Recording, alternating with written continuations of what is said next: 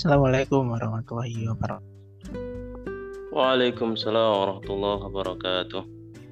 Siap. Suara saya kedengeran jelas ya ke sana ya? Ya, jelas. Alhamdulillah. Jadi di tanggal 22 Desember ini kan bertepatan dengan Hari Ibu ya. Jadi sebelum ke konten kita atau ke tema ya yaitu tentang apa namanya menyambung dari sisi komunikasi, sisi usaha dan dinamika yang lebih kompleks. Kita mengucapkan selamat Hari Ibu terlebih dahulu buat ibu-ibu dan calon ibu. Mudah-mudahan bisa mempersiapkan di uh, hari ibu ini untuk bahan referensi refleksi tepatnya ya untuk kita selalu siap di setiap kondisi dan selalu mensyukuri bahwa ibu memang salah satu sosok yang luar biasa untuk diri kita. Mungkin ada opening yang ingin disampaikan ke teman-teman pendengar podcast kita Pak Ustaz silakan.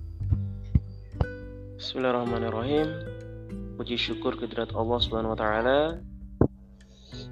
Saat ini uh, kita masih diberikan semangat untuk bersama belajar.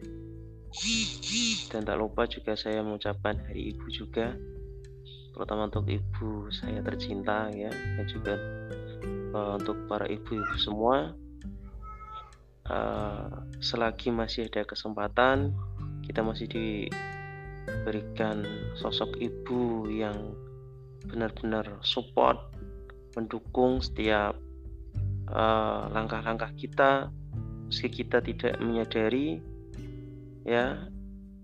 Beliau di malam-malamnya atau di waktu bermunajat kepada Allah ya tak lupa pasti disisipkan ya, nama anak-anaknya agar memang menjadi anak yang uh, soleh solihah dan juga uh, diberikan mudah dalam aktivitasnya.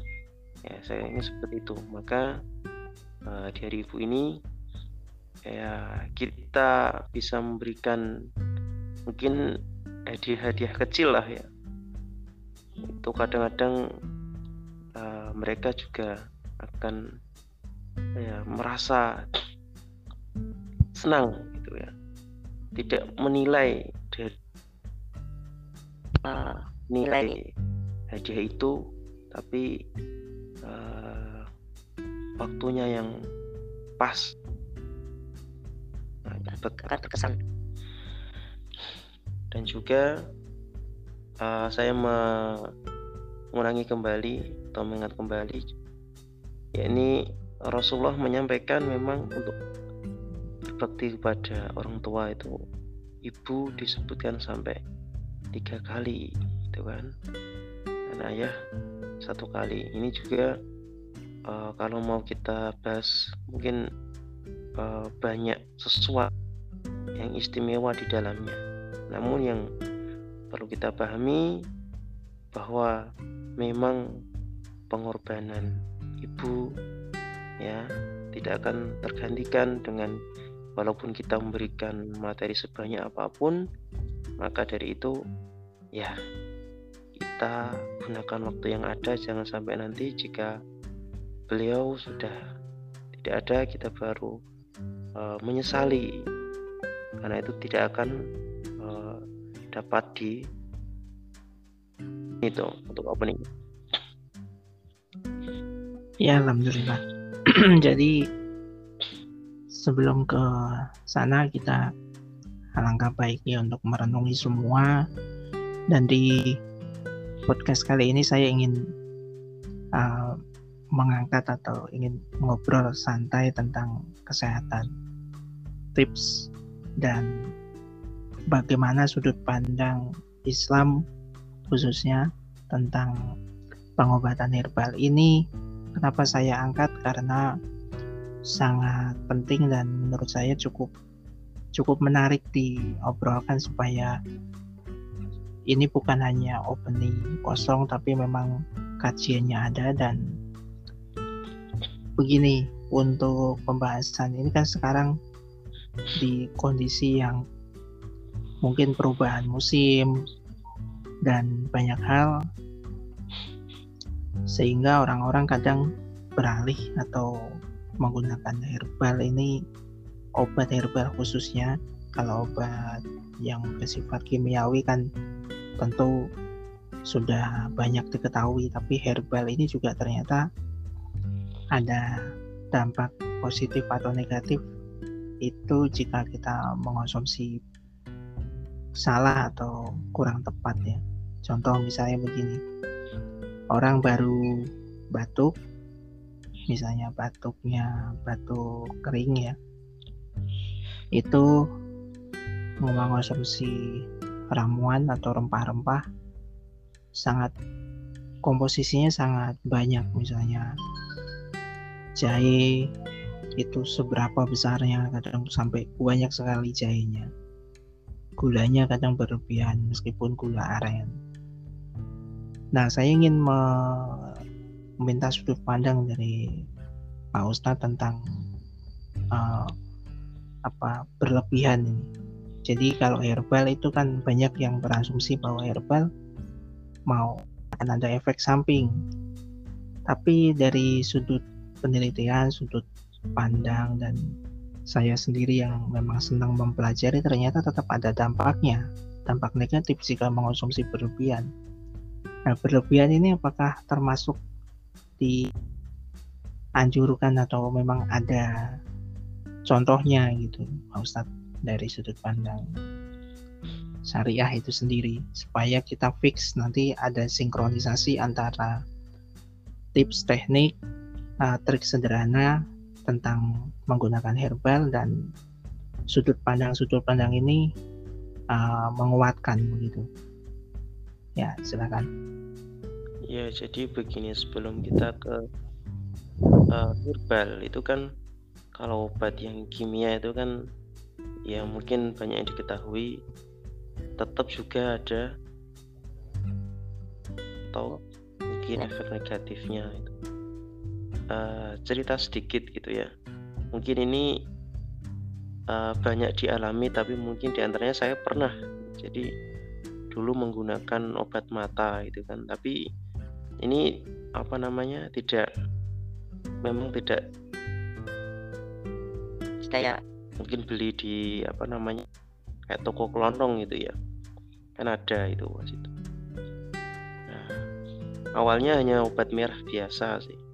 Karena memang pada waktu itu ya sakit uh, untuk ini tetes ya obat merah. Ternyata uh, karena tidak tahu mungkin uh, cara penggunaannya benar atau mungkin ada faktor-faktor lain yang belum di konsultasikan gitu kan. Nah, uh, efeknya itu malah benar-benar fatal gitu ya. Jadi awalnya itu saya masih ada sisa untuk melihat ya awalnya itu. Ternyata menggunakan itu bukan uh, ada peningkatan kesembuhan tapi malah uh, menurun gitu kan jadi sampai uh, melihat itu tinggal kayak bayangan-bayangan terus apa namanya cahaya aja. Dan yang terakhir itu memang terus ya full gitu ya. Kirain pada waktu itu mati lampu pas pagi-pagi itu. Kok jam segini kok mati lampu? Ternyata memang ya sudah beneran. Tidak ada sisa penglihatan seperti itu. Itu termasuk kan termasuk efek uh, negatif kimia gitu ya Nah, kalau kita ke obat herbal tadi disebutkan sesuatu yang berlebihan. Jadi memang hampir semuanya ya mengkonsumsi apa pun itu berlebihan itu dampaknya tidak bagus. Jadi Rasulullah mengajarkan uh, pola sehat. Jadi uh, sepertiga uh, makanan sepertiga uh, udara sepertiga uh, minum ya jadi ini uh, ada keseimbangan ya nah kalau yang berlebihan ya otomatis uh, sudah tidak seimbang sama makannya aja uh, soalnya wah ini enak ini. Berarti ditambahlah dua porsi gitu. Tapi kadang-kadang uh, kalau mau jujur itu nanti tetap rasanya lezat lagi gitu kan. Mungkin uh, waktu porsi pertama itu mungkin masih uh, semangat nari. Nanti kalau udah dua piring. Ya biasanya sudah rasanya agak apa namanya kelezatannya sudah berkurang. Nah itu yang biasa nanti belum efek-efek yang lain. Makanya sesuatu yang berlebihan itu memang uh, termasuk jahat gitu kan. Nah, mungkin dari dulu kita pernah nggak tahu itu ya di apa doktrin atau gimana ya. Itu pokoknya tidur itu ya uh, minimal 8 jam sehari lah 8 jam. Ya itu dulu pada waktu saya belum tahu ya 8 jam ya utuh gitu. Kan malam tidur sampai pagi itu 8 jam full gitu. Itu itu baru memenuhi apa syarat sehat itu. Padahal kan nggak itu. Tadi uh, ada polanya kan gitu. Jadi 8 jam itu polanya bagaimana? Sama kan itu tapi memang benar waktunya itu tidak lama tapi efektif. Sehingga pada waktu bangun tidur itu uh, seger uh, semangat untuk beraktivitas. Nah itu juga uh, perlu dipelajari. Maka uh, melakukan ya ini membiasakan sesuatu yang awalnya kita berlebih-lebihan kan air kadang-kadang kita juga masih apa ya kebiasaan agak boros gitu. Maksudnya walaupun itu berwudu katakanlah ya. Berwudu ini kan ya baik untuk mau apa melakukan ibadah gitu kan. Tapi menjumpai uh, di tempat-tempat wow, wudhu umum ya atau di masjid-masjid itu kadang mereka masih menyalakan kerannya itu bus gitu. Mungkin pak karena air gak beli gitu kan kadang-kadang juga gitu. Dan itu juga berlebihan juga. gitu. itu belum ibaratnya kita nggak merasa saudara kita yang di daerah yang kekurangan air seperti itu juga. Nah, itu dampaknya juga nanti uh, kurang bagus kan. Kebiasaan itu nanti akan berefek ke uh, kegiatan yang lain gitu loh. Berarti bukan menu uh, ada keterkaitan gitu. Kalau kita yang apa hal-hal yang kecil aja kita biasa berlebihan tidak ikut mengikuti gitu kan. Ya mungkin itu dulu. Iya. Jadi memang kalau kita bicara soal berlebihan tentu ini sudah banyak yang tahu. Tapi kadang-kadang pemaknaannya untuk arti atau langkah supaya ini bisa nggak terjadi berlebihan tuh bagaimana? Ini yang kadang-kadang agak bingung. Maka di uh, apa teknik sederhana awal atau obrolan awal ini. Saya ingin membahas tentang sudut pandang atau langkah-langkah untuk penggunaan herbal itu sendiri.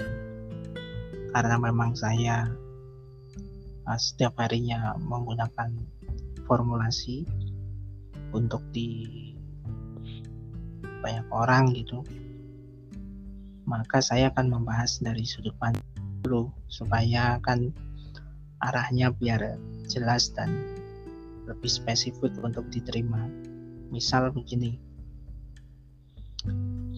ada beberapa pertanyaan yang kenapa ketika saya memformulasikan itu selalu menggunakan atau misalnya jahe seukuran setengah jari kelingking misalnya karena setiap orang itu mempunyai ukurannya masing-masing jadi misalnya jari saya jarinya Pak Ustadz Majid itu berbeda jari ukurannya maka alangkah bagus dan tepat kalau kita itu formulasinya menggunakan ukuran jari sendiri-sendiri.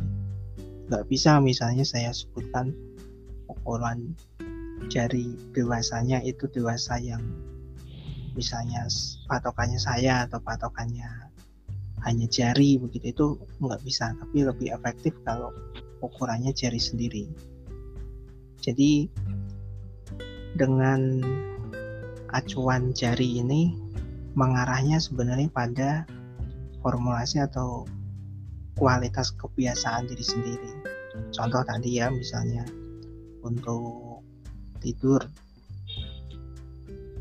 Nah, kalau kita bicara kepada herbal untuk bisa istirahat dengan maksimal, ini juga harus diukur dengan kebiasaan diri sendiri. Nggak semua orang bisa dipastikan misalnya 8 jam itu pasti tidurnya efektif. Ada juga yang cuma dua jam tiga jam. Tapi mereka ya bisa aktivitas secara maksimal hariannya sudah seperti itu lain halnya dengan herbal tadi ini suatu hal yang berbeda bahwa herbal itu akan mempunyai efek samping yaitu satu ada sensasi rasa kurang nyaman nanti dampaknya jika menggunakan uh, rumus yang asal. Jadi kalau menurut saya untuk pengetahuan dasar baiknya kita menggunakan ukuran jari kita. Itu yang paling mendasar, yang paling mudah. Ukuran jari misalnya ibu jari itu bisa kita bagi dua. Jadi jari ini kalau kita lipat itu sebenarnya ada tonjolan dua di atas sama di bawah Nah ini ruas ya. Nah, ini masuknya ke ruas sendi. Ini ukuran untuk standarnya apa pun itu mau jahe mau kunyit harus setengah dari jari ibu jari kita ini. Ini kalau kita mau buat apa pun. Pertanyaannya misalnya begini. Ini untuk penyakit apa misalnya? Ya ini untuk umum, untuk pencegahan bukan untuk yang spesifik kalau untuk yang spesifik nanti baru harus didiskusikan oleh orang-orang yang memang tahu. Nah di forum edukasi kita terbuka juga untuk sharing itu. Ada layanan uh, sharingnya. Dan bisa juga teman-teman menggunakan di Facebook atau di Telegram cari resep sehat alami. Di sana juga akan tersedia layanan konsultasi free. Nah, untuk lebih lanjut nanti bisa di searching sendiri di sana. Kemudian daun. Kita akan bicara tentang daun. Misalnya, daun ini harus berapa untuk takarannya untuk pencegahan sendiri untuk umum ya itu minimalnya minimal dan maksimal 1 sampai 3 nah kalau lebih dari tiga itu sudah berlebihan termasuk. Kenapa harus satu atau tiga? Karena dari ukuran rempah tadi yang setengah jari atau satu jari penuh itu standar dari daun-daunnya pun juga ada antara 1 sampai 3 lembar. Kalau melebihi nanti komposisinya jadi hancur, rusak. Madu pun begitu. Madu harus berapa? Dari setengah jari, satu jari, seperempat jari, dan 1 sampai 3 daun. Itu maksimalnya 2 sendok makan kalau lebih dari itu hasilnya juga kurang bagus dan kurang efektif akan merusak komposisi zat-zat lain. Nah di sini harus teknik-teknik dasar inilah yang harus kita pahami agar uh, kalau yang bahasanya cocok-cocokan gitu setidaknya kita bisa mempunyai formulasi tepat. Kalau memang bisa sembuh bisa benar-benar membantu ini membantunya hanya bukan hanya semu bukan hanya sementara tapi memang benar-benar ini sesuai rumus. Jadi efektif gitu. Nah ini yang pengen saya sampaikan secara sederhananya. Dan tadi diulas juga ternyata sesuai kajian Islam dari sudut pandang Islam pun ini termasuk hal yang cukup apa namanya kuat bahwa berlebihan itu memang tidak dianjurkan. Nah, tidak dianjurkan ini kenapa ya tadi sudah dijelaskan. Satu, kita harus bisa uh, mempunyai antipati atau mempunyai perasaan uh, menghemat, perasaan uh, sebuah motivasi kuat untuk apa mensyukuri dan mensyukurinya bukan hanya wujud teori saja tapi memang benar-benar real kita praktekkan. Air kita nggak berlebihan kecuali ini ya kecuali untuk minum. Nah minum pun sebenarnya bukan berlebihan menurut saya. Untuk minum sendiri kita bisa menggunakan langkah-langkah sederhana. Misalnya uh, 30 menit sekali setengah gelas atau seperempat gelas meskipun nggak haus tetap minum karena tubuh kita tetap membutuhkan asupan itu. Cairannya tetap harus cukup. Apalagi kalau kita yang rutinitasnya di ruangan AC atau yang main di atas kendaraan motor itu kan cukup panas. Nah itu juga dibutuhkan. Nah gitu. Pak Ustadz mungkin ada yang ingin di Uh, mungkin gini ya, tadi kan uh, kalau daun-daunan kan 1 sampai 3 seperti itu kan. Hmm. Nah, kadang-kadang uh, apa namanya? Ada yang apa ya? Mungkin dalam agama Islam kan yang ganjil-ganjil itu kan biasanya kan gitu. Jadi kadang-kadang kayak seperti ini ya. Apa minum habatus sauda gitu kan. Itu saya pernah dengar gitu ya ya apakah benar apa enggak maksudnya kan kalau tidak. Satu tiga. Kalau tiga tiga ya lima gitu kan. Sampai maksimal itu tujuh juga nggak apa-apa. Itu apakah benar itu? Tentu kalau kita bicara soal kebenaran manusia hanya bisa memprediksi atau menganalisis berdasar data dan kemampuan yang kita miliki masing-masing. Memang itu sangat kontroversial, ya Pak, sangat ini juga sangat dijadikan bahan perdebatan sampai sekarang tentang konsumsi apa herbal misalnya kurma obat sauda misalnya. Satu tiga lima sampai tujuh. Ada juga yang lebih dari itu.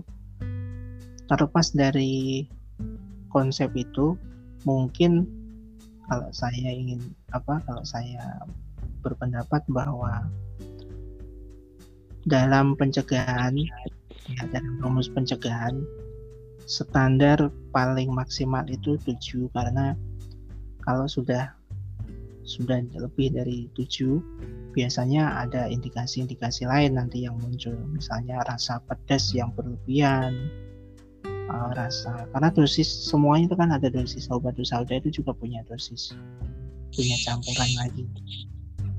Dan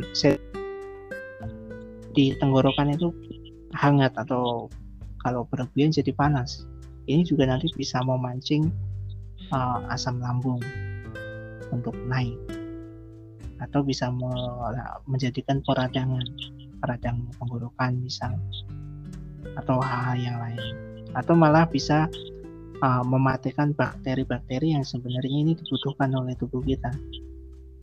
Nah, maka kalau saya untuk menjaga kehati-hatian atau menjaga keseimbangan tubuh jangan melebihi dari tujuh sebenarnya. Kurma pun juga gitu. Paling lima lah maksimal. Dan untuk mengonsumsi herbal atau uh, rempah-rempah yang sudah disinergikan ini itu juga ada rumus pencegahan, ada rumus pencegahan, ada rumus perawatan, ada rumus pengobatan.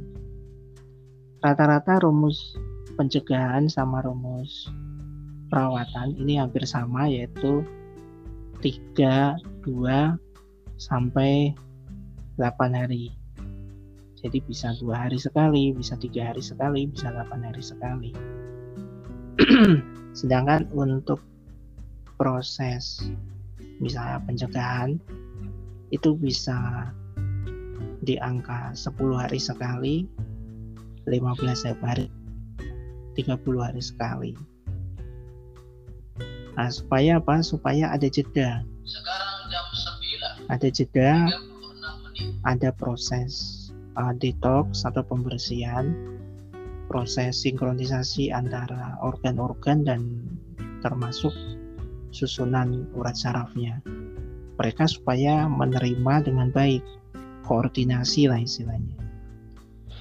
Jadi tubuh kita itu sebenarnya juga mempunyai pola, pola untuk koordinasi. Misalnya jantung kekurangan oksigen, jantung itu juga akan meminta memberi uh, sinyal atau komunikasi ke bagian-bagian organ lain untuk bisa memberikan oksigennya atau memberikan zat-zat apa yang sedang dibutuhkan oleh jantung. Begitupun misalnya paru, uh, misalnya ginjal dan lain-lain. Jadi tubuh kita itu sebenarnya sudah mempunyai pola untuk penyembuhan sendiri. Nah, herbal ini hanya untuk membantu mempercepat proses komunikasi itu, memperjelas Nah, untuk memperjelas inilah kita dibutuhkan rumus. Dan rumus yang paling sederhana untuk kita orang awam, ya tadi, minimal menggunakan ukuran jari untuk rempah-rempah dan menggunakan rumus daun-daun itu angka yaitu 1 sampai 3 lembar dan untuk dosis sendiri menggunakan tadi 2 3 atau 8 sedangkan untuk pencegahan itu kita menggunakan 10 hari 15 sampai atau 30 hari sekali dengan begini saya kira kita akan mempunyai tubuh tubuh yang sehat didukung dengan pola makan dan pola istirahat yang berkualitas begitu Mas. Oh, berarti uh, seperti tadi ya madu soda atau kurma itu berarti walaupun ini bagus untuk kesehatan itu berarti kita nggak boleh apa mengonsumsi setiap hari ya. Nah, setiap hari maksudnya itu berarti masuknya sudah tidak perawatan lagi berarti gitu ya? Iya karena ada yang kalau setiap hari ini biasanya untuk indikasi-indikasi. Indikasi dan bukan bukan pencegahan, bukan perawatan. Nah, ini kalau pengobatan biasanya harus disesuaikan dengan kondisi yang memang sedang kurang sehat. Katakanlah misalnya saluran kantung kemih misalnya. Baru salurannya ya bukan bukan kantung kemihnya misalnya. Nah, di sana kita harus analisis apakah itu kelebihan bakteri atau kekurangan bakteri atau sedang ada uh, koordinasi yang antara organ tapi organ satu sama yang lain nggak sesuai responnya mengalami diskusi atau mengalami miskomunikasi. Jadi kita harus lihat dulu kita, uh, melihatnya bagaimana yaitu memang orang-orang tertentu ya untuk menganalisis itu. Biasanya melalui diagnosa wawancara. Biasanya kalau dari herbalis yang memang sudah modern ya menggunakan alat. Kalau pemedis juga biasanya harus check up dan lain-lain. Nah, itu kalau setiap hari. tapi kalau untuk pencegahan ya tadi biasanya 2 3 sampai 8 hari lah sekali ya biasanya nah mungkin ada juga nih uh, kalau bagaimana kalau kita konsumsi herbal yang sudah dikemas yang sudah diproses itu setiap hari satu kapsul apakah efektif? Ada juga memang pertanyaan yang pernah masuk di database di edukasi. Ya kalau kita bicara soal apakah efektif sehari satu kali menurut saya yang paling efektif adalah polanya pola hidup sehatnya. Nah kita misalnya minum herbal nih sehari sekali. Terus kita makan nggak tentu. Misalnya kadang makan sarapan pagi kadang sarapan uh, sekalian makan siang misalnya. Dan iya. minum misalnya minum kadang kadang minum kadang seingatnya gitu kan. Buah juga seperti itu kadang makan banyak kadang enggak sama sekali. Nah setiap konsumsi herbal ini apakah herbal ini membantu? Enggak sih menurut saya. Jelas enggak membantu. Karena ya tadi ya saya bilang herbal itu hanya mempercepat memperjelas koordinasi komunikasi organ-organ sendiri organ-organ itu sendiri. Karena tubuh kita sudah mempunyai pola menyehatkan atau penyembuhan. Contoh ketika meriang. Ada juga zaman dulu ya orang meriang. Cuman dipakai tidur pakai istirahat makan cukup itu besoknya sehat. Nah apakah yang ngasih sehat itu makanan? Ya kalau kita bicara soal uh, kesadaran seutuhnya fitrah manusia ya memang yang maha kuasa yang punya. Tapi orang sebenarnya sudah mempunyai antibodinya sendiri yang jadi sudah dibuat oleh tahu yang maha kuasa. Memang seperti itu prosesnya. Tubuh kita mempunyai uh, kekebalan, mempunyai pola-pola untuk uh, menyehatkan organ-organ. Tentu ini harus kita rawat. Nah, herbal inilah yang sebenarnya merawat, mempercepat koordinasinya dengan komposisi yang tepat. Gitu, nah, Ustadz dan teman-teman.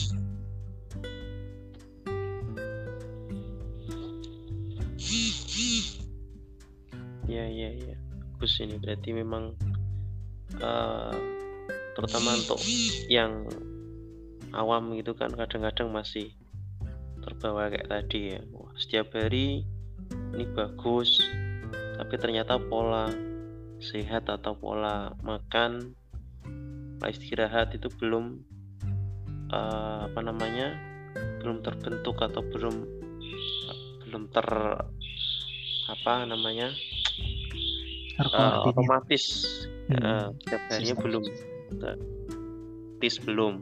Tapi kita sudah menuntut maksudnya kita wah kayak gini aktivitas tetap bugar tetap seger gitu kan. Tapi tadi uh, pas kita salah mengartikan itu. Punya herbal ini sudah bisa karena udah kayak gitu. Sama saya ini udah mengkonsumsi tiga butir Nah berarti ini untuk aktivitas hari ini berarti uh, yang mungkin yang biasanya uh, cuma lima jam ini berarti mungkin bisa jadi 8 jam kuat karena tadi sudah jadi di, disamakan kayak obat-obat yang memang kimia yang untuk menambah apa namanya tenaga gitu kan salah ya seperti itu mungkin.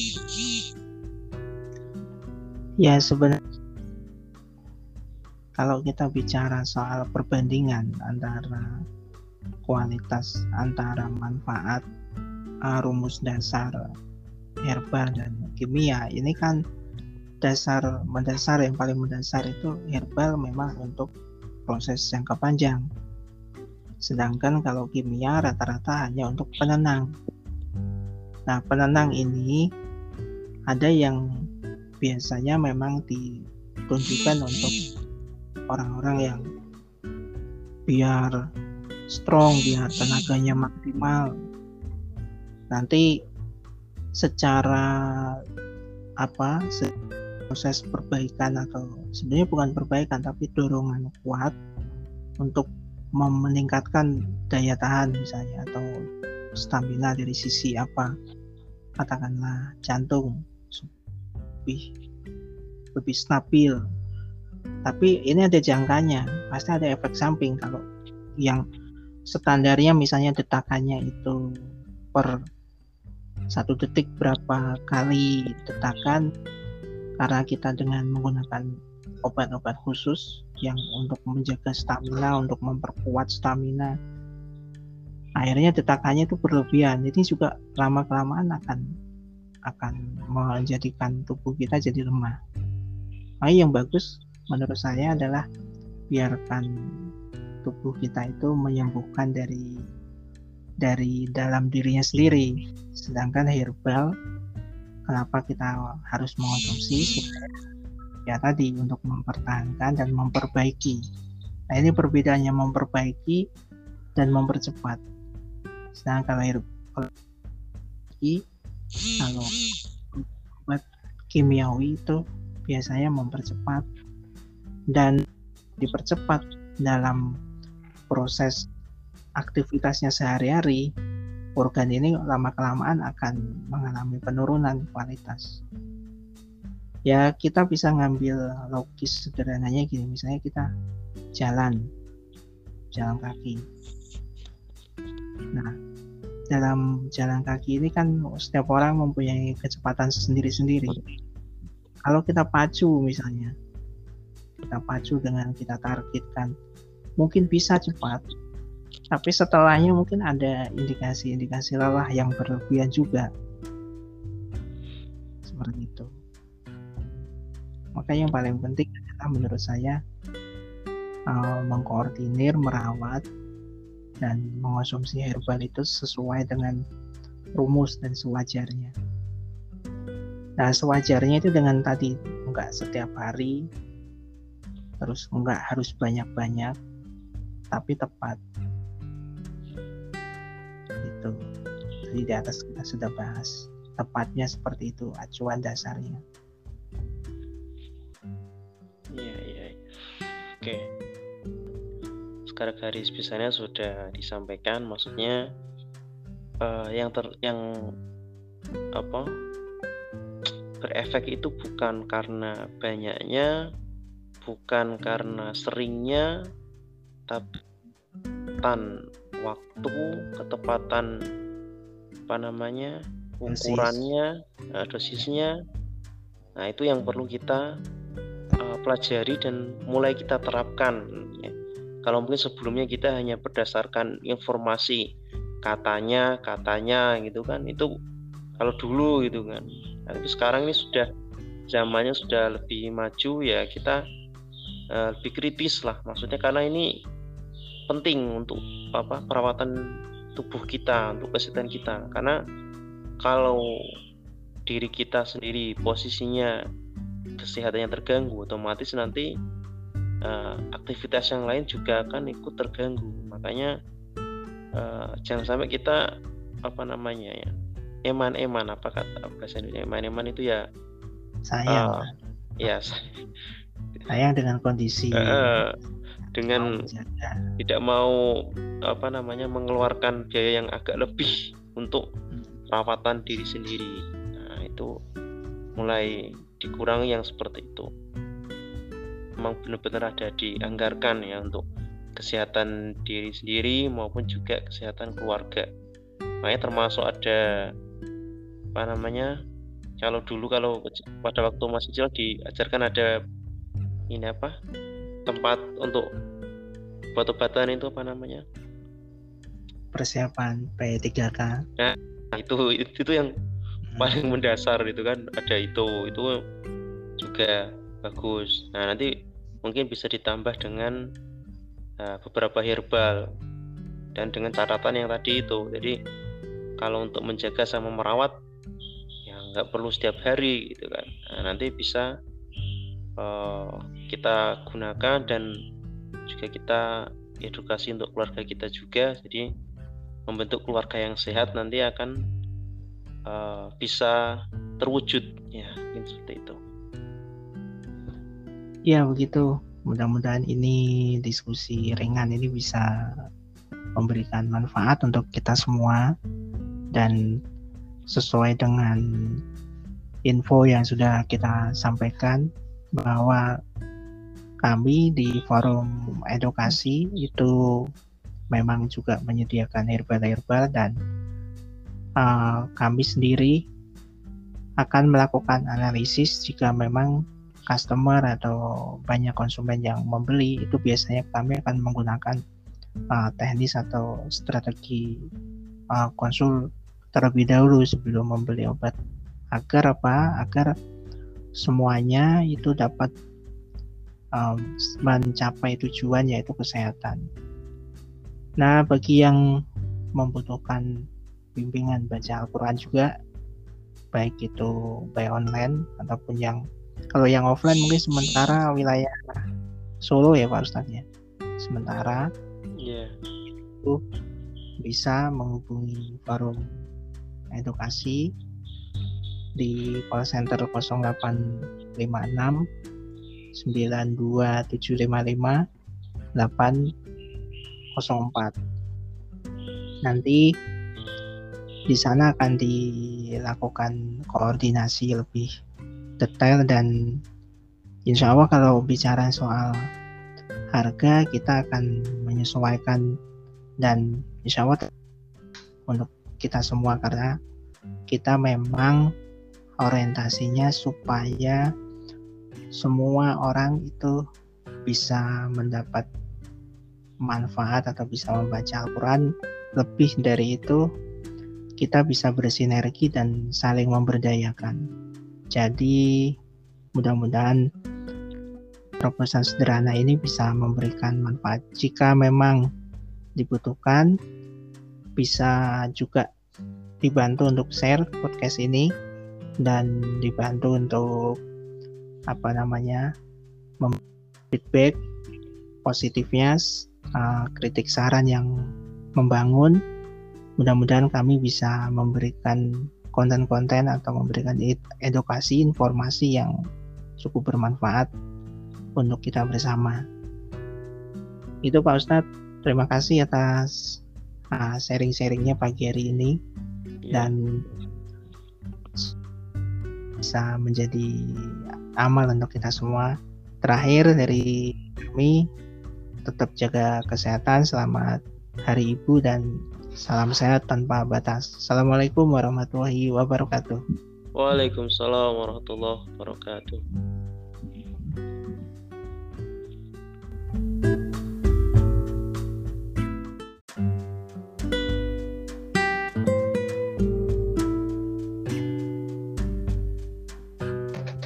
Assalamualaikum wabarakatuh. Waalaikumsalam warahmatullahi wabarakatuh. Kita mau live dari kemarin belum bisa nih Pak. Tapi alhamdulillah sekarang bisa ngobrol lagi di podcast.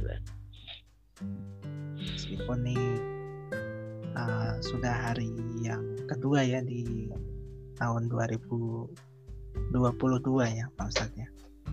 Ya, betul. Gimana Pak Ustadz sehat, lancar? Bisnis, terus apa namanya, ngampus dan lain-lain. Alhamdulillah eh, masih seperti biasa ya, diberikan kemudahan insya Allah. Alhamdulillah. Jadi kita mau ngobrol tentang persiapan baik itu persiapan untuk mengambil sisi positif pembelajaran dari tahun yang sudah lalu maupun persiapan untuk uh, apa bisa dikatakan memperjuangkan apa-apa yang sudah menjadi harapan di tahun ini. Mungkin bisa dikasih opening dulu Pak Ustadz terkait tentang tema ini nanti kita bahas. Oke, alhamdulillah hari ini Allah masih memberikan kesempatan untuk kita uh, belajar bersama. Harapannya uh, kita dapat lebih baik dan senantiasa menebar kebaikan di sekitar kita, di lingkungan kita gitu. Uh, kali ini kita akan bahas tentang persiapan. Uh, persiapan ya, persiapan di tahun baru ini gitu. Sebetulnya uh, dalam Islam ya diajarkan bahwa uh, hari ini lebih baik dari hari kemarin. Jadi kalau ulama terdahulu itu ya menitnya atau setiap uh, detiknya bahkan itu memang uh, melakukan sesuatu yang uh, banyak manfaatnya. Intinya tidak terlewatkan untuk sesuatu yang sia-sia. Karena mereka uh, meyakini gitu. Ada ungkapan kalau tidak salah itu termasuk hadis atau ungkapan Arab ya. Di ikmalid dunyaka ke anaka ta'ishu abadan jadi bekerjalah kamu untuk duniamu seakan-akan kamu hidup selamanya. Jadi maksudnya uh, ya namanya hidup selamanya dia pasti akan mengupayakan yang benar-benar uh, maksimal. Karena dia merasa memang uh, hidupnya lama ya. Walaupun secara kenyataan nggak seperti itu tapi ini hanya uh, dorongan gitu ya. Nah itu sikap kita untuk dunia. Artinya kalau hari ini kita belum berhasil atau belum dikatakan sukses masih ada hari esok untuk memperjuangkan lagi oh ternyata masih gagal. Jangan menyerah. Masih ada hari esok lagi. Maksudnya seperti itu. Jadi kalau diusahakannya itu bisa berkali-kali. Makanya termasuk para ilmuwan dulu itu melakukan percobaan itu sampai uh, berapa ribu kali gitu ya, ya sampai tiga ribu kali. Akhirnya uh, seperti yang diinginkan ya.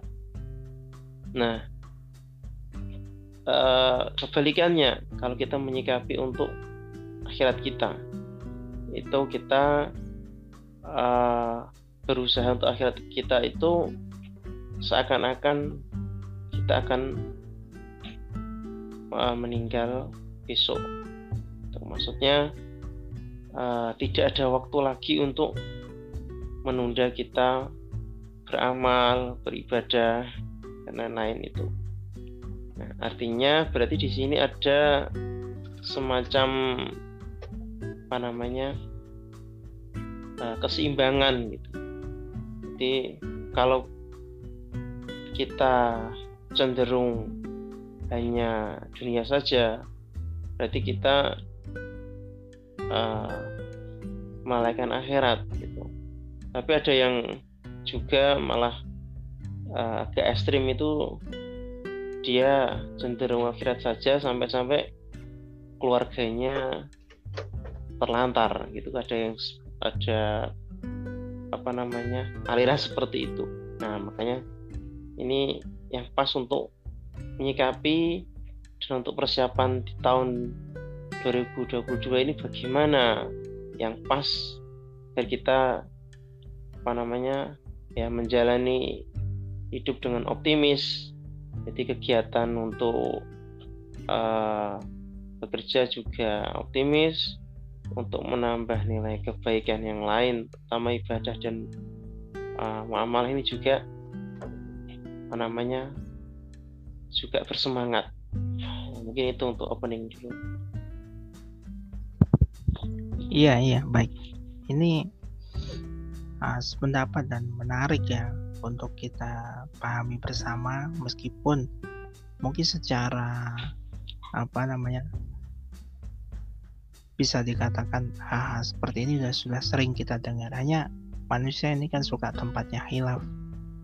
Maka perlu lagi untuk mengoreksi dalam artian mengoreksi ini bukan hanya secara kolbu bukan hanya secara pikiran dan perasaan terlebih logika kita tapi lebih spesifik adalah action atau prakteknya. Kadang kan gini Pak Ustadz ada ketika kita contoh misalnya contoh kecil menunda sholat. Ini banyak sekali alasan yang kita lakukan karena atas dasar kemudahan. Tentu kemudahan ini kan sebenarnya sudah kita pahami semua. Nah konsep konsep untuk menselaraskan antara keseimbangan yang tadi misalnya akhirat dan dunia ini kan membutuhkan latihan-latihan. Mungkin bisa dikatakan latihan-latihan sederhana gitu. Kalau Pak Ustadz sendiri gimana latihan sederhana untuk supaya uh, kita itu bisa apa-apa yang yang memang sudah menjadi kebutuhan kita itu juga menjadi prioritas. Contoh misalnya sholat ini kan kalau banyak orang bilang sholat ini kewajiban gitu kan tapi kalau kita bicara kembali kepada uh, fitrah yang manusia, ini kan kebutuhan sebenarnya. Kebutuhan untuk rohaninya, kebutuhan untuk apa menyeimbangkan antara intelektual dan spiritualnya kan begitu ya. Atau yang biasa dikenal oleh dunia Mayentox itu antara dunia bawah sadar dan atas sadaran gitu. Nah kalau Pak Ustadz sendiri ini langkah kecilnya seperti apa gitu.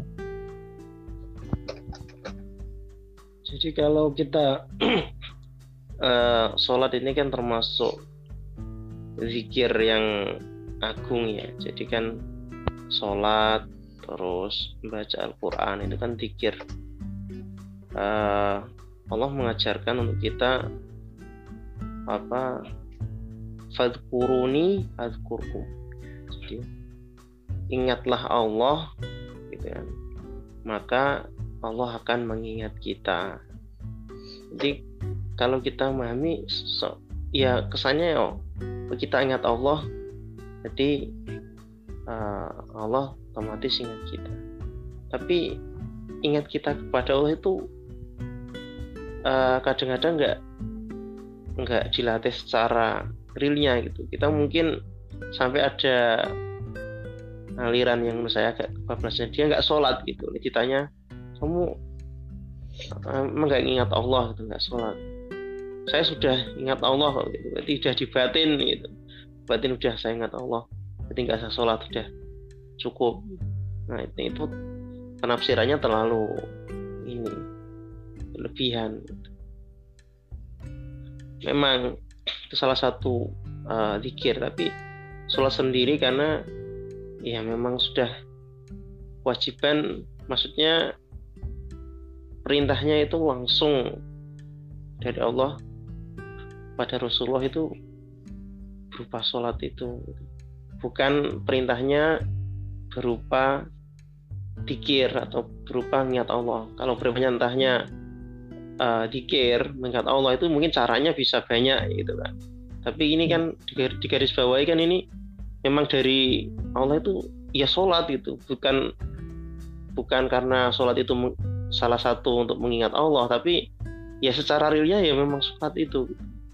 Nah makanya kalau kita mengingat dari agungnya perintah sholat ini yang penuh perjuangan gitu kan maksudnya Rasulullah menemukan perintah sholat ini kan uh, dari peristiwa Isra Mi'raj ya yang mana itu uh, apa perjalanan yang ya sangat luar biasa. Sangat jauh gitu kan. Sampai uh, melewati langit pertama sampai akhir gitu kan. dan ada peristiwa-peristiwa yang lain juga. Jadi kalau kita mengetahui oh sholat ini berarti memang sesuatu yang luar biasa. Karena Allah tidak uh, apa namanya lewat perantara malaikat Jibril gitu kan. Karena kalau perintah yang lain mungkin seperti puasa, zakat, ya, haji, itu kan perantara. Gitu. Istimewa sholat itu langsung. Gitu. Sesuatu yang langsung ini berarti kan uh, bisa diartikan memang uh, banyak keutamaan, banyak manfaatnya untuk umat manusia. Gitu. Gak mungkin Allah memberikan sesuatu yang istimewa dengan cara yang biasa kan begitu. Nah makanya dari itu kalau kita mengetahui itu sebetulnya tidak ada uh, apa alasan atau rasa bermalas-malasan gitu kalau kita mengetahui itu. Terus untuk ya untuk melatih awal itu kita sholat uh, diusahakan tepat waktu. Maksudnya uh, sama sudah waktu uh, duhur ya kecuali ada memang yang darurat atau yang mungkin nggak bisa ditinggalkan. Misal kalau majelis ilmu ya mungkin kayak jam kuliah itu. Kadang-kadang kan ada yang ya agak lewat gitu. Tapi itu ada yang berpendapat uh, karena menurut ilmu juga wajib itu nggak apa gitu. Tapi rata-rata yang saya amati itu untuk dosennya itu juga faham gitu ini udah waktu sholat gitu. Jadi kadang terus uh, ya sholat dulu gitu kan. Nah makanya yang seperti ini berarti uh, sama-sama kita usahakan gitu.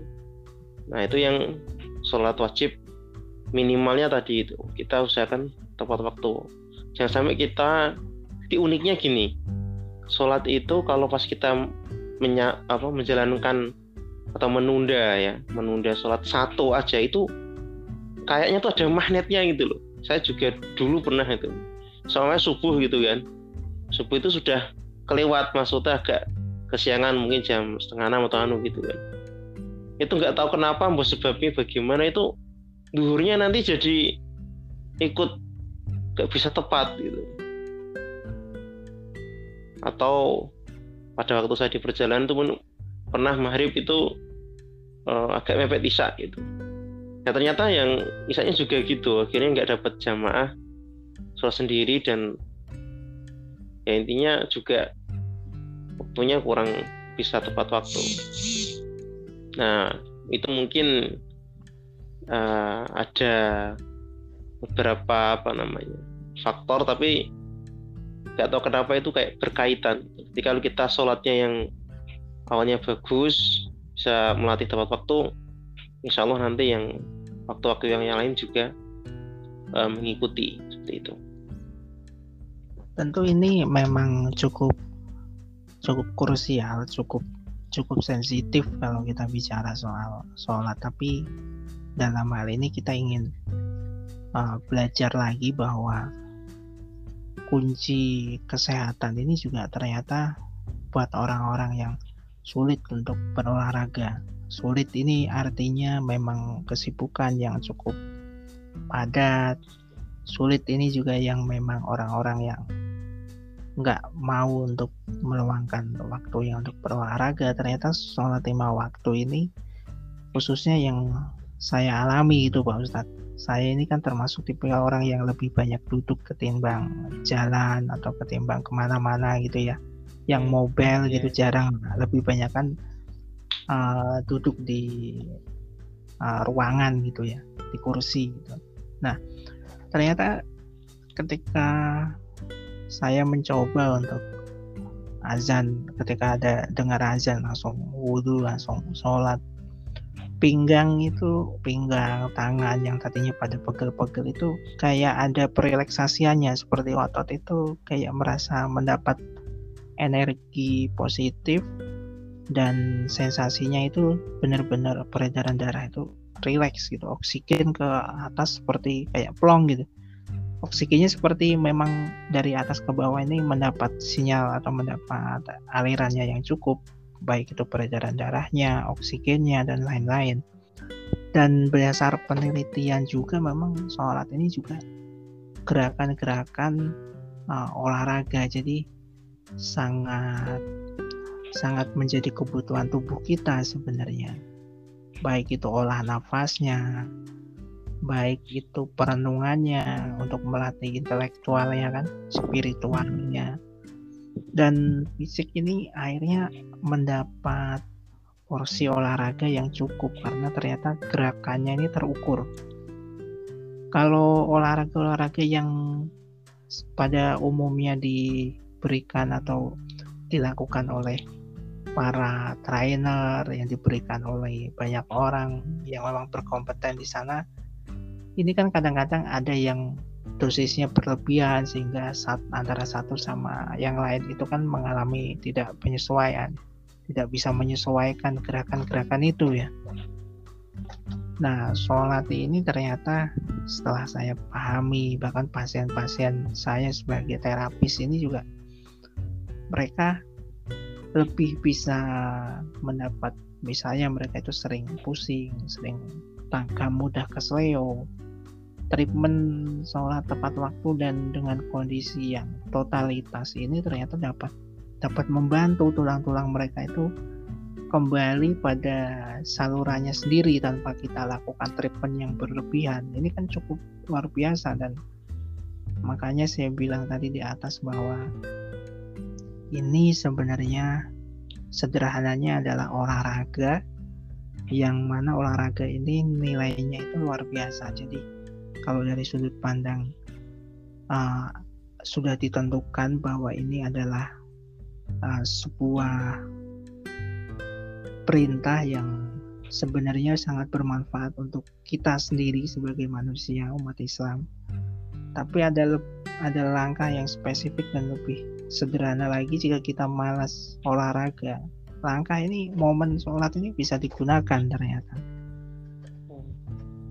Jadi begitu Pak Ustadz. Makanya kita ingin memberikan sudut pandang ini supaya satu dari saya sebagai orang yang memang senang belajar uh, akan teringat kembali motivasinya sholat ini dan akan lebih tergerak lagi. Nah tadi yang sudah disampaikan oleh Ustadz Majid bahwa semuanya ini memang uh, kebaikan dan nilainya adalah luar biasa. Tapi luar biasa ini akan menjadi negatif jika kita menunda dan menunda ini akhirnya akan membuat fisik kita pun melemah kan begitu Pak Ustaz karena uh, olahraga saja kan dianjurkan minimal satu minggu sekali yeah. ya kan? Nah itu itu bisa dikatakan manu, minimal. Padahal kadang-kadang orang sebulan sekali kadang tiga bulan sekali baru olahraga. Kadang selesai olahraga malah pada sakit semua. Tentu karena hmm. memang semuanya membutuhkan adaptasi ya kan?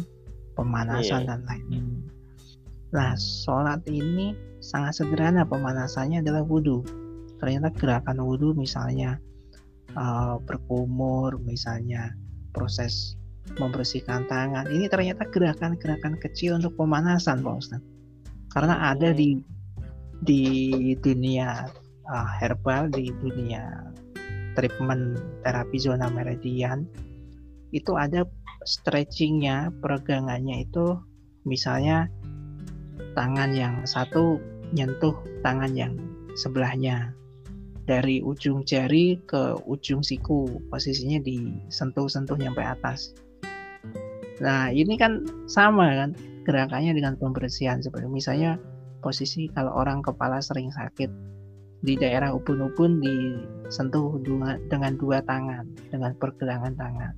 Telapak tangan itu disentuhkan ditempelkan ke area kepala pas ujung kepala nah saya pahami bahwa ternyata ini adalah ilmu yang sederhana yang bermanfaat dan semua yang yang ada pada gerakan-gerakan sholat ini ternyata sebuah susunan uh, stretching, susunan pola.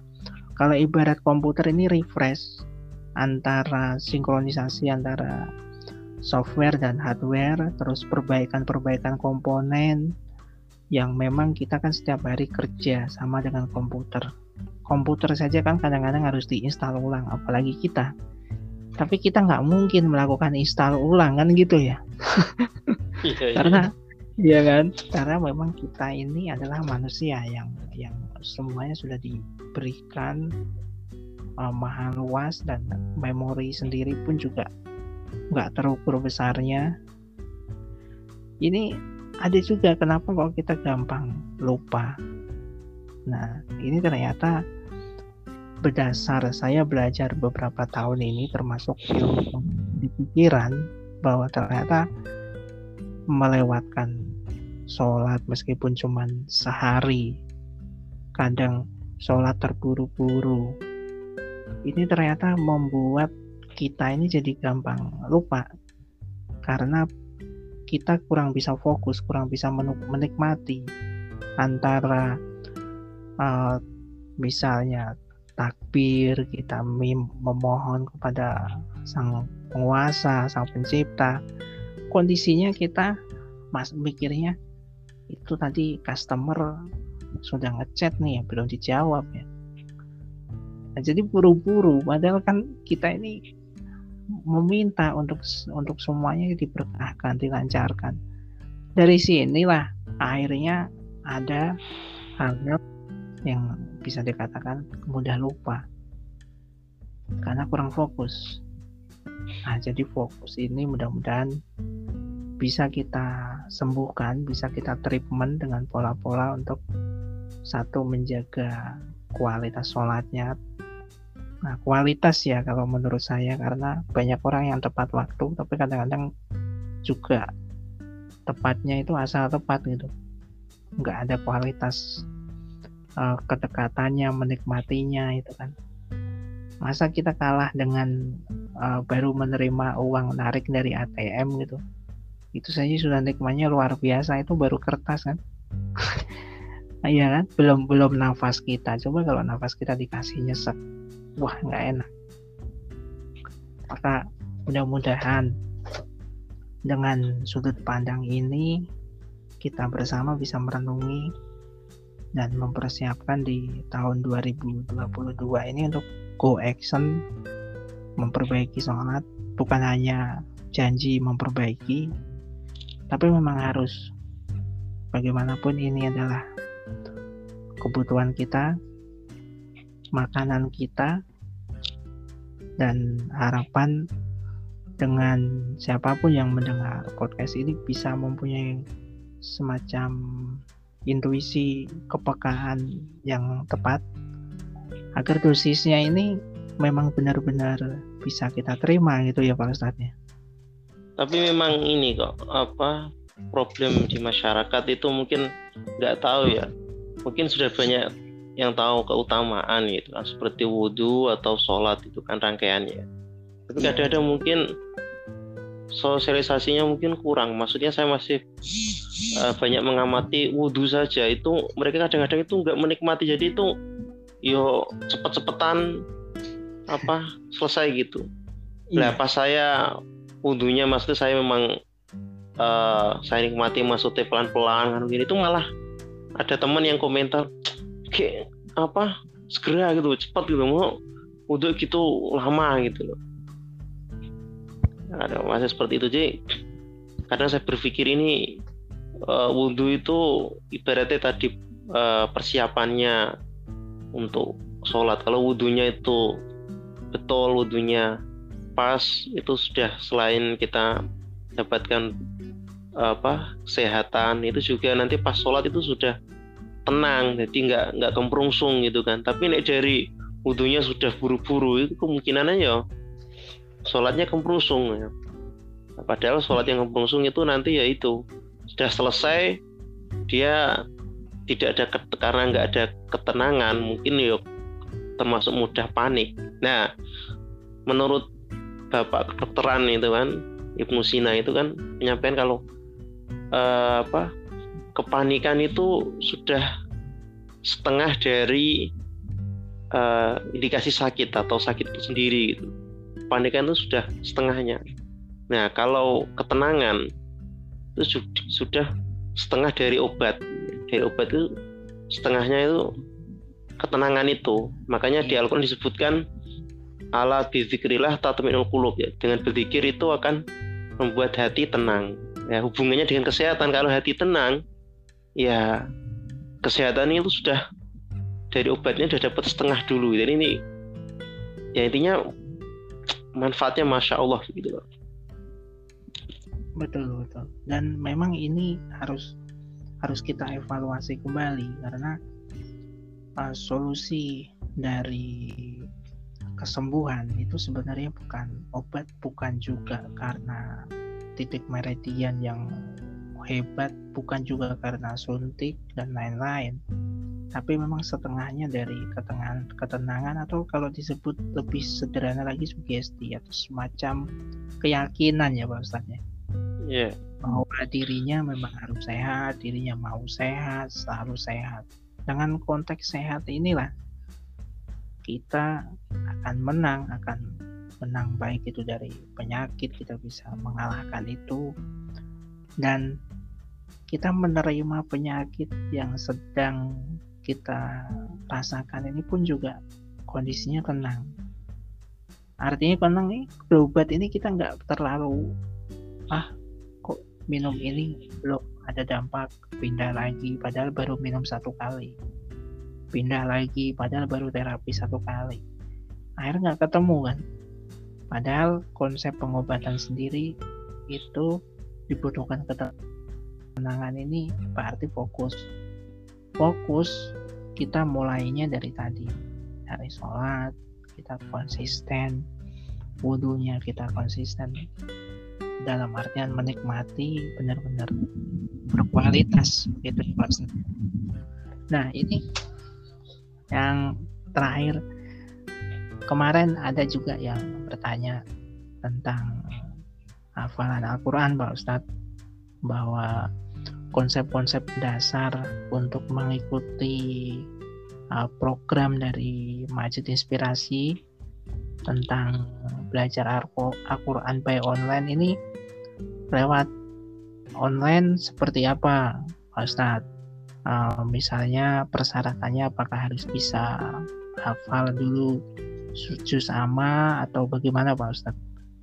Nah sekalian nih pompong kita ketemu dan bisa disimak oleh uh, teman-teman yang lain. Jadi syaratnya yang tidak terlalu sulit sih. Uh, yang jelas yang pertama Muslim itu jelas ya, jelas. Yeah, yeah. Terus dia memang uh, ada niat dan kemauan gitu.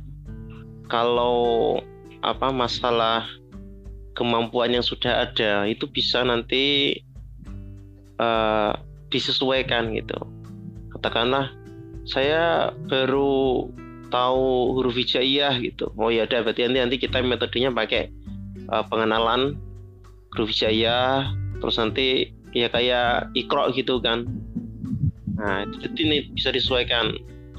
Kalau oh, saya sudah bisa membaca tapi uh, kendalanya mungkin untuk tanda-tanda mat, mungkin panjangnya atau kadang-kadang tajwidnya itu ada yang kurang. Nah, berarti ini masuknya pembenahan bacaan. Jadi dia tidak uh, tidak cara baca lagi seperti awal tadi. Jadi sudah uh, pembenahan bacaan. Nah, nanti meningkat lagi yang bacaannya sudah uh, standar, tapi dia ada keinginan menghafal. Oh ya, berarti nanti kita simak bacanya dulu, baru kita uh, arahkan teknik menghafalnya. Gitu. Jadi itu nanti uh, ada apa namanya?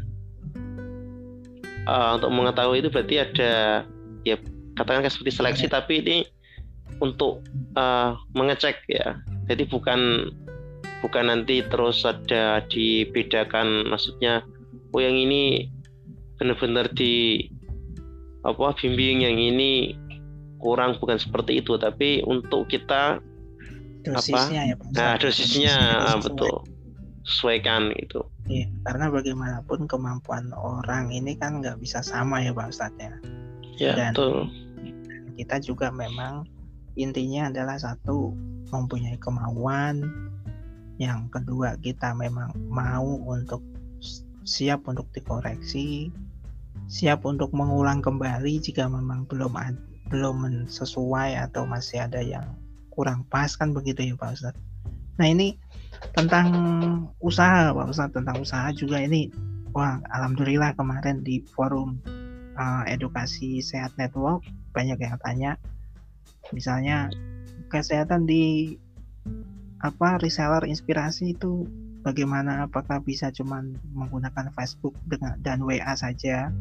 Terus supportnya seperti apa gitu jadi ini uh, dua dua apa namanya? Dua opsi uh, dua pertanyaan. Baik itu tadi tentang belajar Al-Quran juga ditanyakan supportnya bagaimana terus kalau store harus ke mana. Nah ini mungkin saya uh, bisa menjelaskan sekilas nanti Pak Ustadz tinggal nambah ya.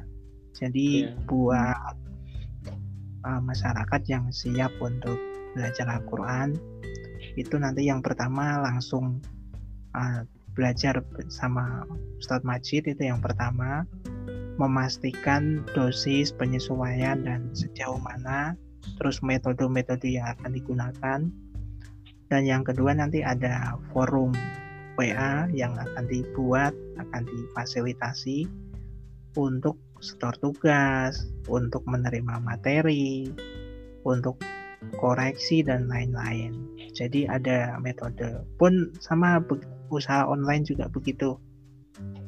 Uh, reseller inspirasi itu nanti akan disediakan grup terus nanti juga ada materinya ya Pak Ustadz ya? Iya ada. Nah ada materi nanti juga di share produk-produk uh, berbentuk foto dan deskripsi.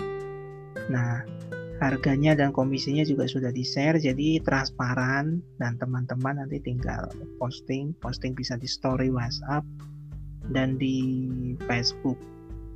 Itu dan nanti link postingannya kalau di Facebook boleh di-share ke grup bukti untuk teman-teman kerja dan nanti kita akan mempelajari akunnya teman-teman untuk kita kasih hashtag-hashtag khusus supaya uh, Facebooknya lebih powerful, lebih menjangkau orang banyak.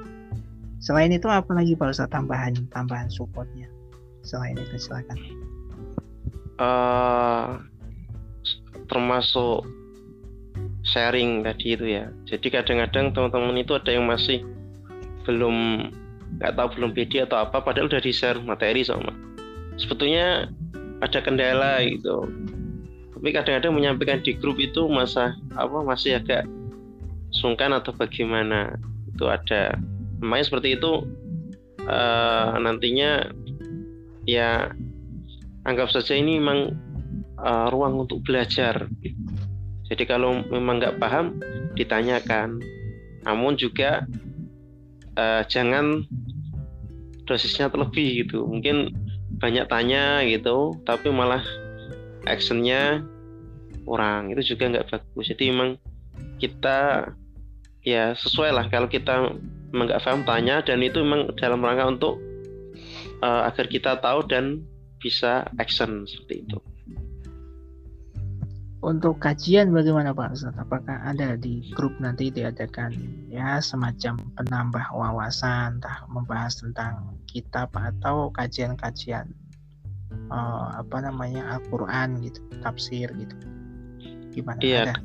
Kalau rencananya untuk yang uh, reseller inspirasi, jadi selain uh, materi bisnis ya ada, ada produk, nanti juga ada uh, kajian agama.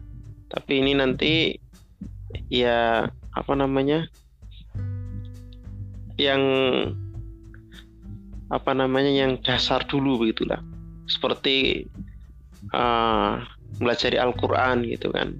Kadang-kadang kan kita ya mungkin satu sama yang lainnya kan nggak sama gitu. Nah, nanti kita juga uh, bisa sharing di situ sudah berbagi dan intinya kita tidak hanya mendapatkan wawasan untuk bisnis tapi kita juga ada peningkatan untuk uh, keagamaan ya. Terutama untuk uh, pembenahan Al-Qur'an gitu. Karena kalau ya yakin kalau Al-Qur'annya kita semakin bagus, nanti uh, pemahaman kita dengan Al-Quran juga semakin baik ya otomatis nanti insya Allah bisnisnya juga uh, ikut baik gitu kan Alhamdulillah ini cukup jelas mudah-mudahan di podcast ini mewakili daripada penasarannya teman-teman semua. Kemarin memang banyak tapi kita juga nggak bisa menjawab satu persatu karena saya pikir akan lebih abdol akan lebih nikmat rasanya kalau kita diskusi ngobrol ya tadi terkait membahas tentang uh, dahsyatnya kekuatan sholat pemaknaan dan bagaimana supaya kita mendapat sholat yang berkualitas. Plus ini juga kita uh, memperjelas tentang uh, sistem belajar Al-Quran serta usaha yang sedang dirintis programnya ya Pak Ustadz ya. Mudah-mudahan ini istiqomah program reseller inspirasi. Dan mudah-mudahan teman-teman juga makin banyak yang bergabung, makin banyak yang antusias untuk berusaha dan berdoa karena jangan sampai kita hanya paham tentang kalimat doa dan usaha tapi ternyata kita melewatkan sholat, kita melupakan uh, kefokusan kualitas dan lain-lain itu ya Pak Ustadz uh, obrolan kita malam hari ini yeah. mudah-mudahan ini jadi referensi baru di persiapan untuk tahun 2022 terima kasih Pak Ustadz atas sharing-sharingnya ya yeah, sama-sama terima kasih buat teman-teman dibantu untuk share nah, komen juga dan jangan lupa selalu sehat tanpa batas. Assalamualaikum warahmatullahi wabarakatuh. Waalaikumsalam warahmatullahi wabarakatuh.